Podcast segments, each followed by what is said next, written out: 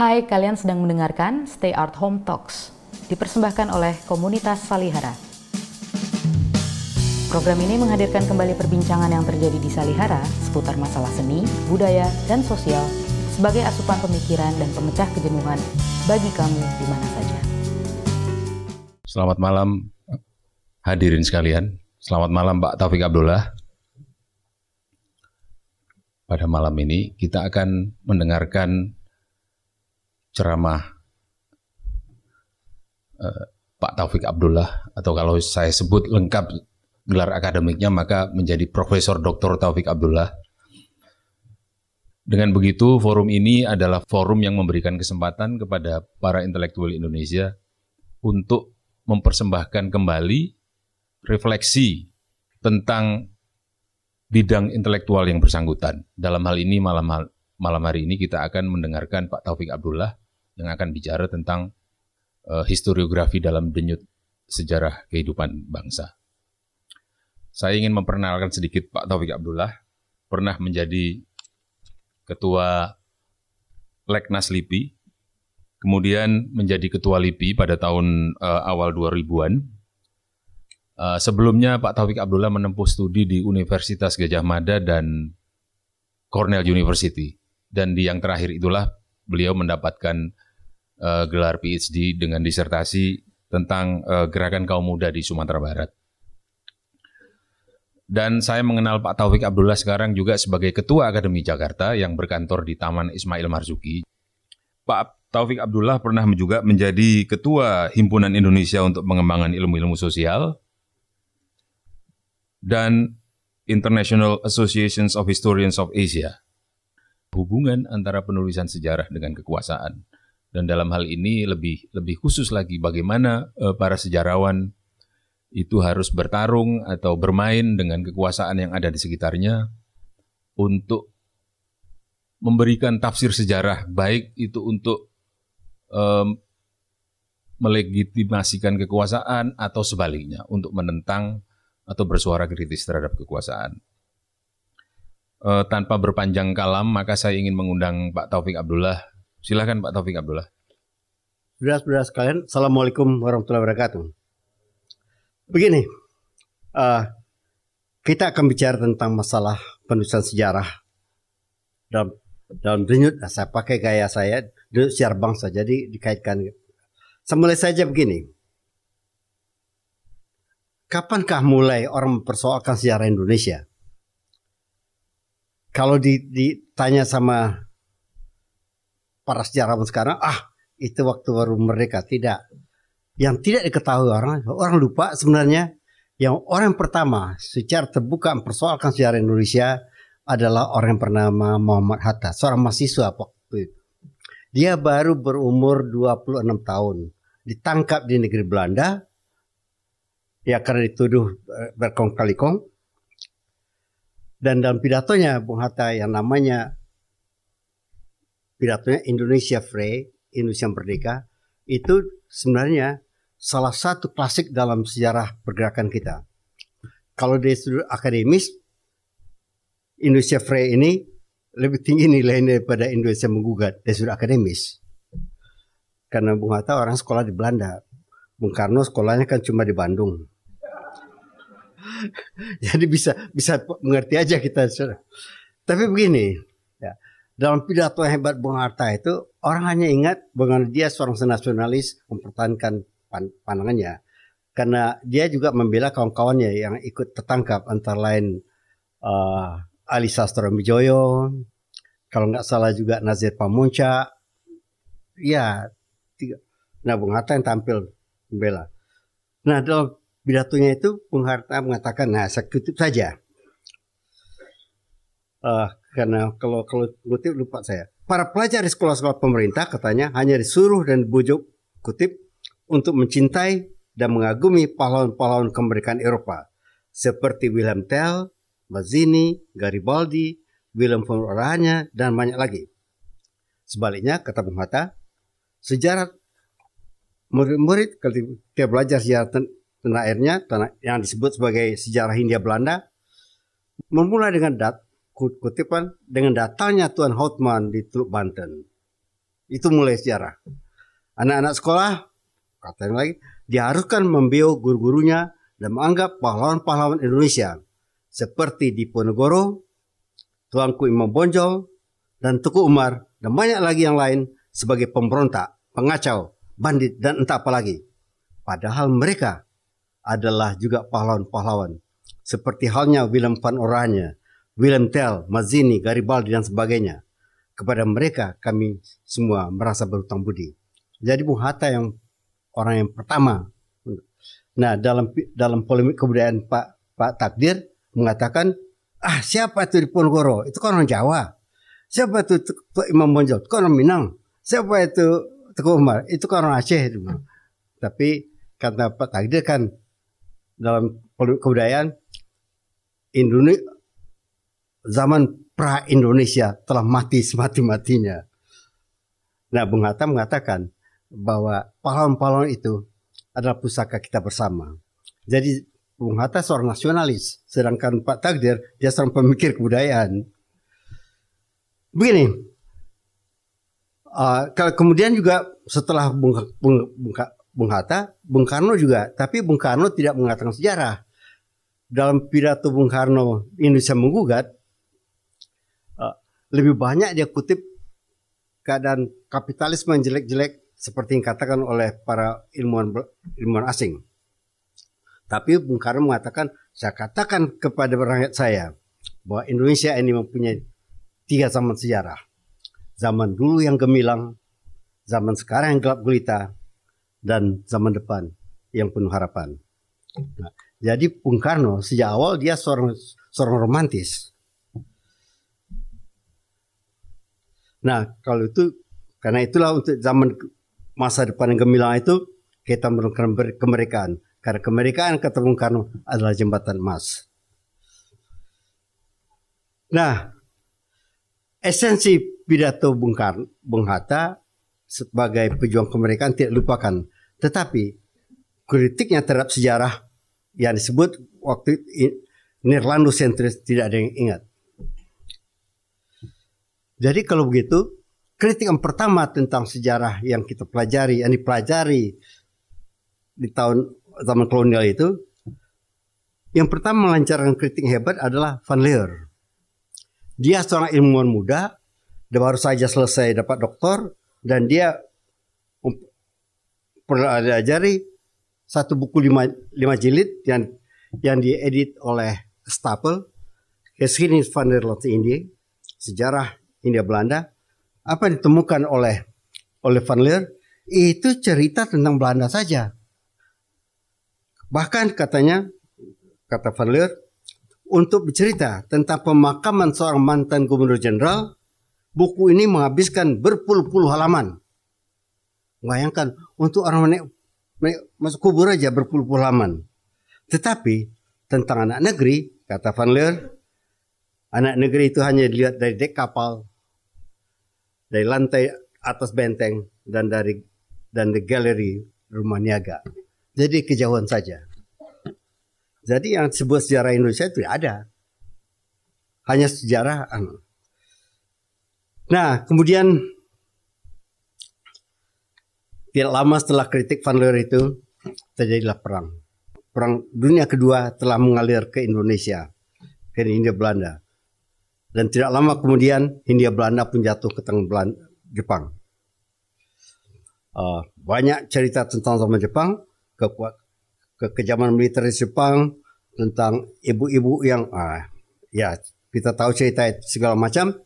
Tetapi setelah 2-3 tahun, 3 tahun keluarlah ucapan fajar kemerdekaan bermula menyingsing. Dan apalagi pada waktu zaman Jepang itu ada juga sekian ratus atau sekian ribu pemuda-pemuda kita sempat belajar jadi militer walaupun sekian puluh ribu menjadi romusha.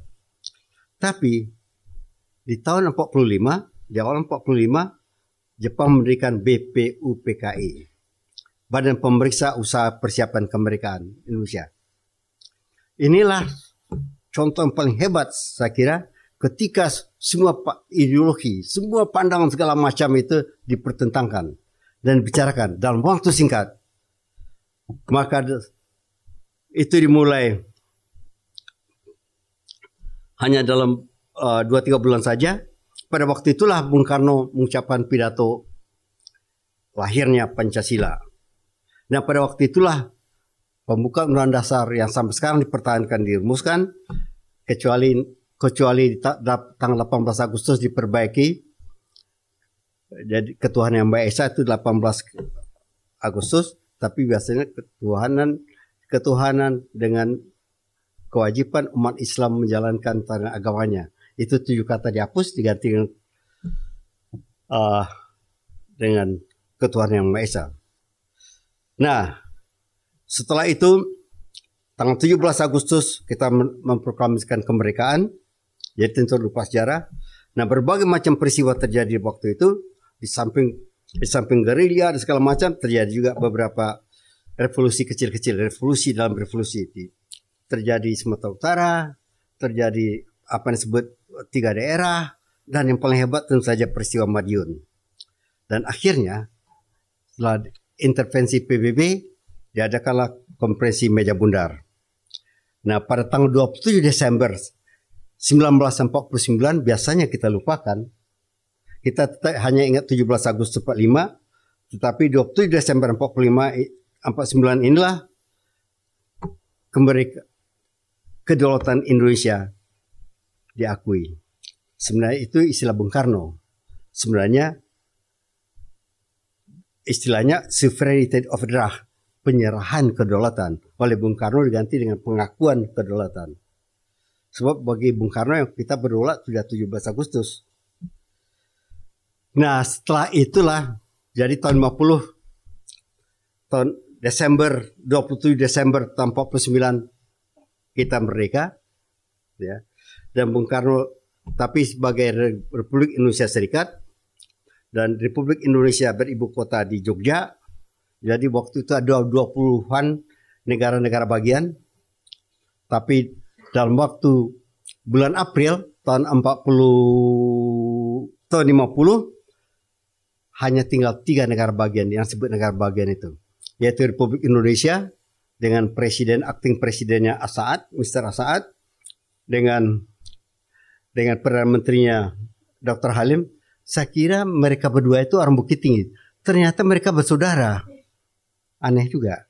Pernah juga ada apa pada waktu presidennya uh, anak anak pamannya yang jadi perdana menteri, ya Dr. Halim. Saya kira mereka sekampung saja tetapi bersaudara. Jadi jelek-jelek dulu orang Minang itu ber, berkuasa. Ah, ya. Jadi nah, pada waktu tapi pada waktu itu juga di tahun 50 itu uh, tentu tahun 17 Agustus 50 kita kembali ke negara kesatuan dan Bung Karno kembali presiden Republik Indonesia Bung Hatta wakil presiden Republik Indonesia dan pada waktu itulah kita mulai lagi berdebat soal sejarah. Tapi yang mulai perdebatan adalah orang Belanda. Orang Belanda, Profesor Koolhaas, dia adalah uh, apa? Profesor di Utrecht. Dia kritik Van Leer.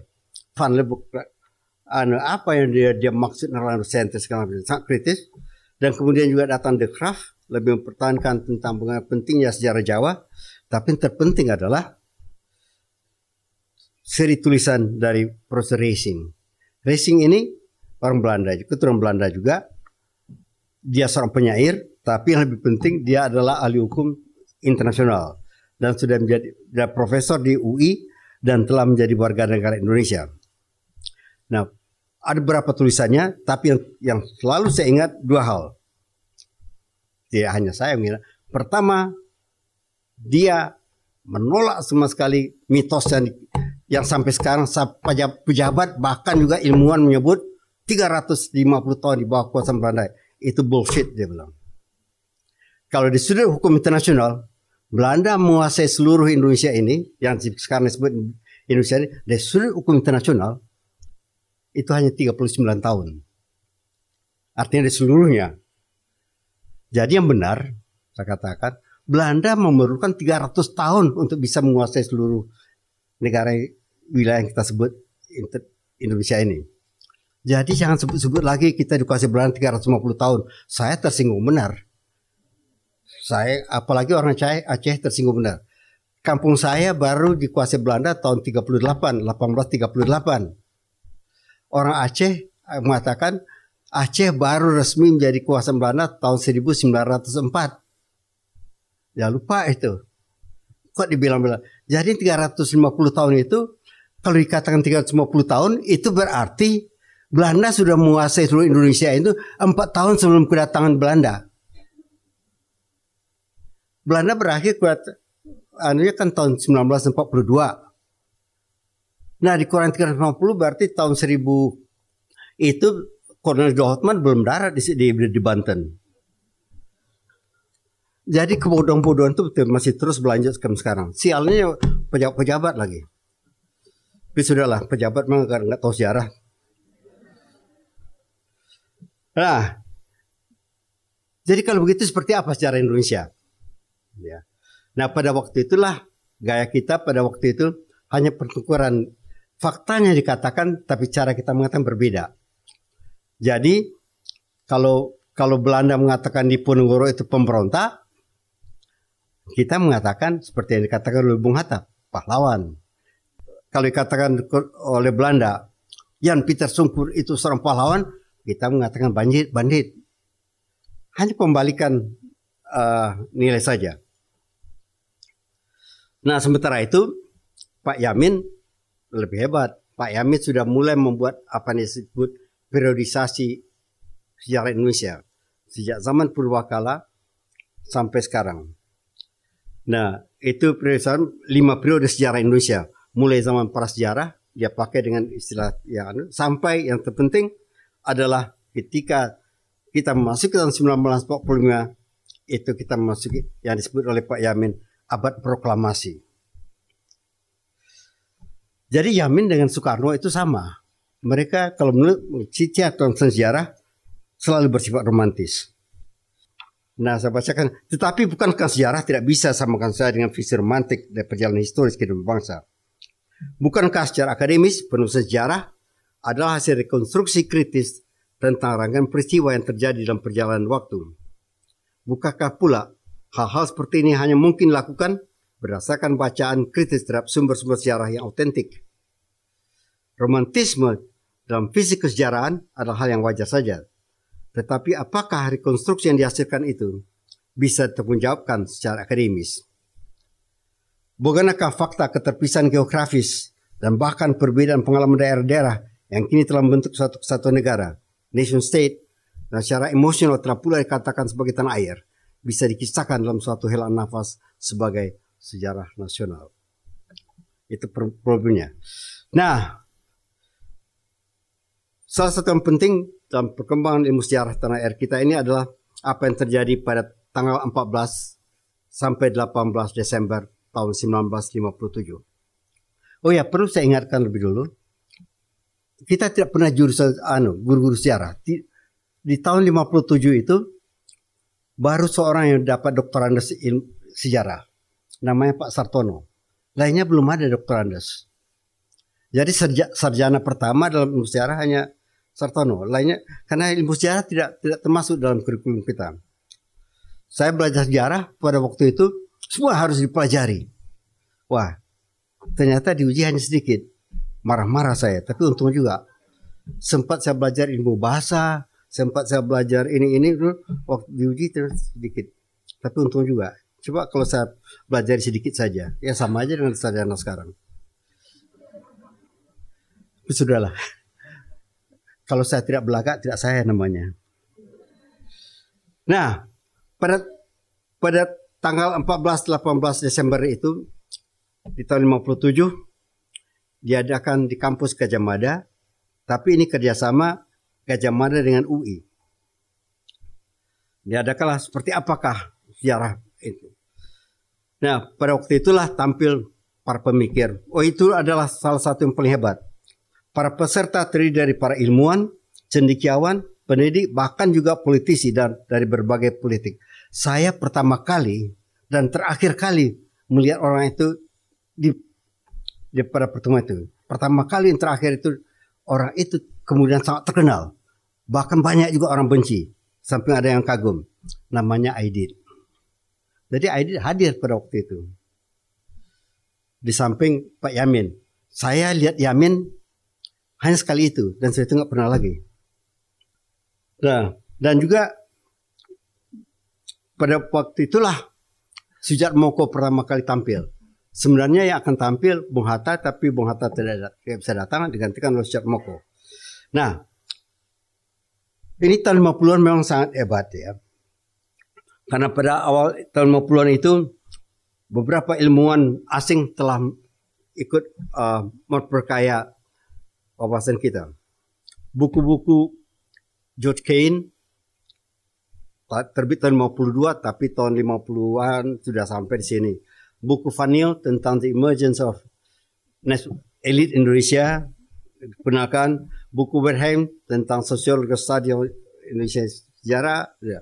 buku Van Leer juga diterimakan buku Sri kedua jilid buku konkret ya tetap dalam Belanda tapi sejarah ekonomi dan lain-lain jadi pada waktu kongres sejarah seminar sejarah diadakan orang sudah punya punya Nah, samping itu pada waktu itu juga ini terutama Jakarta Jogja untung dikunjungi oleh Toynbee. Pada waktu itu nama Toynbee lagi top-topnya seorang filosof sejarah yang spekulatif ya. Walaupun tidak cerita tentang apa yang terjadi tapi visi ke depan ya kalau visi ke depan spekulatif ya tentu apa yang dibayangkan akan datang. Uh, dan juga Ya, sempat ngajar selama dua bulan di Jakarta dan di, di Jogja ilmuwan Belanda yang terkenal Jan Romain. Bahkan selama Bung Hatta bangga benar, Jan Romain kan pernah di sini dulu. Uh, dan dia menghasilkan buku In the Perembanan. Dan kalau nggak salah sudah terimakan juga. Nah, jadi bisa dibayangkan uh, perdebatan di di seminar sejarah nasional pertama itu sangat hebat. Orang hebat-hebat ya. Nah, yang menjadi masalah pokok adalah bagaimana kita membuang apa yang disebut sentris itu. Tidak hanya membalikkan uh, landasan nilai bagus kata Belanda, jelek kata kita, jelek kata kita, bagus kata Belanda. Tidak lagi itu, tetapi bagaimana itu visi Indonesia itu. Karya kesejarahan bukanlah pula sekedar mengelus masa lalu yang konon gemilang, tetapi ada hasil usaha rekonstruksi ilmiah yang objektif dan kreatif tentang rangkaian pergumulan anak bangsa untuk mengatasi nasib yang membelenggu dan gelora perjuangan untuk mencapai tatanan sosial politik yang didamkan. Nah, salah satu putusan pada waktu itu adalah jadi visi Nederlando sentris harus dihapus. Tapi bagaimanakah kita menulis apa yang disebut Indonesia sentris? Kalau racing, mula-mula dia sudah mengingatkan jangan sampai ah ya ada dua hal yang katakan racing di samping soal 350 tahun yang nonsen itu juga dia katakan jangan sampai Indonesia sentris itu ya artinya visi tentang keindonesiaan menjadi regosentris bersifat kedaerahan. Kini nah ketika tapi terjadi tahun 57 itu berarti sangat-sangat yang genting. Karena tidak lama kemudian Bung Karno presiden sudah menunjuk tak lama kemudian kabinet Ali Satrio Wijoyo jatuh walaupun itu hasil dari pemilihan umum dan kemudian Presiden Soekarno menunjuk seorang warga negara biasa untuk menjadi formatir. Kebetulan nama warga negara biasa itu Soekarno. Dia yang membentuk kabinet. Biasanya harus orang lain yang membentuk kabinet. Jadi dia menunjuk formatir kabinet dirinya sendiri atau bentuklah kabinet baru. Ya. Jadi kita sudah mulai agak kritis, kritis sedikit. Dan akhirnya dikeluarkan juga undang-undang bayar karena waktu itu PRRI hampir datang ya pokok daerah bergolak. Masalah kita pada waktu itu adalah sistem pemilihan umum kita menghasilkan empat empat partai yang besar ya yang terbesar adalah PNI, nomor dua Masyumi, nomor tiga Naratul Ulama, nomor empat PK, PKI. Tapi repotnya kalau dilihat siapa itu, ternyata tiga partai itu partai Jawa. uh, PNI, NU dan PKI itu partai Jawa. Dan hanya Masyumi yang partai non Jawa. Artinya Masyumi itu nomor dua, tapi pendukungnya sebagian besar ya dari luar Jawa. Jadi di parlemen ada ke, ada ada kegoncangan karena bagaimana juga partai yang tiga ini lebih pentingkan si pada Jawa, sedangkan luar luar Jawa lagi gelisah. Jadi akhirnya terjadilah banyak hal. Nah, pada tanggal 1 Juli 1959 keluarlah dekret presiden. Uh, dan dan Indonesia diadakan waktu SOB dan Indonesia kembali ke Undang-Undang Dasar 45. Nah, kalau begitu, kalau sudah kembali ke Undang-Undang Dasar 45 berarti presiden tidak lagi hanya kepala negara, tetapi juga kepala pemerintahan. Jadi dialah yang akan membentuk kabinet. Nah kalau itu menentukan arah arah mana kita pergi. Dan Bung Karno langsung mengatakan dengan mengutip ucap seorang bahwa sekarang kita berada adalah a summary of many revolutions in one generation. Nah, cepat cepat saja pada waktu itu banyaklah waktu itu kita suasana dalam revolusi tapi diam-diam orang masih tetap belajar sejarah. Uh, walaupun dikatakan kita kita sebagai new union forces harus berlawan dengan old established forces tak, tapi sementara itu mulai belajar juga. Uh, di belakang corak serba resmi latihan akademis serta usaha pemantapan lalu intelektual untuk mendapatkan istiwa realite dijalankan juga. Nah, pada tahun 1966 Sartono Kartodirjo, ya saya sebut Sartono Kartodirjo bukan karena dia orang Jawa, karena dia guru saya. Menyelesaikan disertasinya berjudul The Peasant Revolt of Banten 19 eh, in 1888. Jadi pemberontakan petani-petani di Banten di, di, abad, di abad 19. Dia dapat doktor cum laude di Universitas Amsterdam. Dan dia adalah yang pertama dapat doktor itu. Dan barulah di tahun 70 dua disertasi sejarah muncul. Saat kedua-duanya tentang Sumatera, satu tentang Sumatera Utara, satu lagi tentang Sumatera Barat, satu tentang ekonomi, satu lagi tentang sosial politik. Jadi itu baru terjadi. Nah, nah dalam situasi itulah lama kemudian segala berbanyak terjadi selama uh, apa yang selama zaman demokrasi terpimpin itu akhirnya kita mengalami apa yang disebut gerakan 30 September. Dan terjadilah uh, ketika diketahui bahwa per, pembunuhan perwira itu adalah usaha kudeta juga, maka konflik yang luar biasa pun terjadi. Di Jakarta dan kemudian praktis seluruh tanah air. Iya, nggak usah cerita, pokoknya aneh-aneh terjadi pada waktu itu sampai sekarang masih diperdebatkan.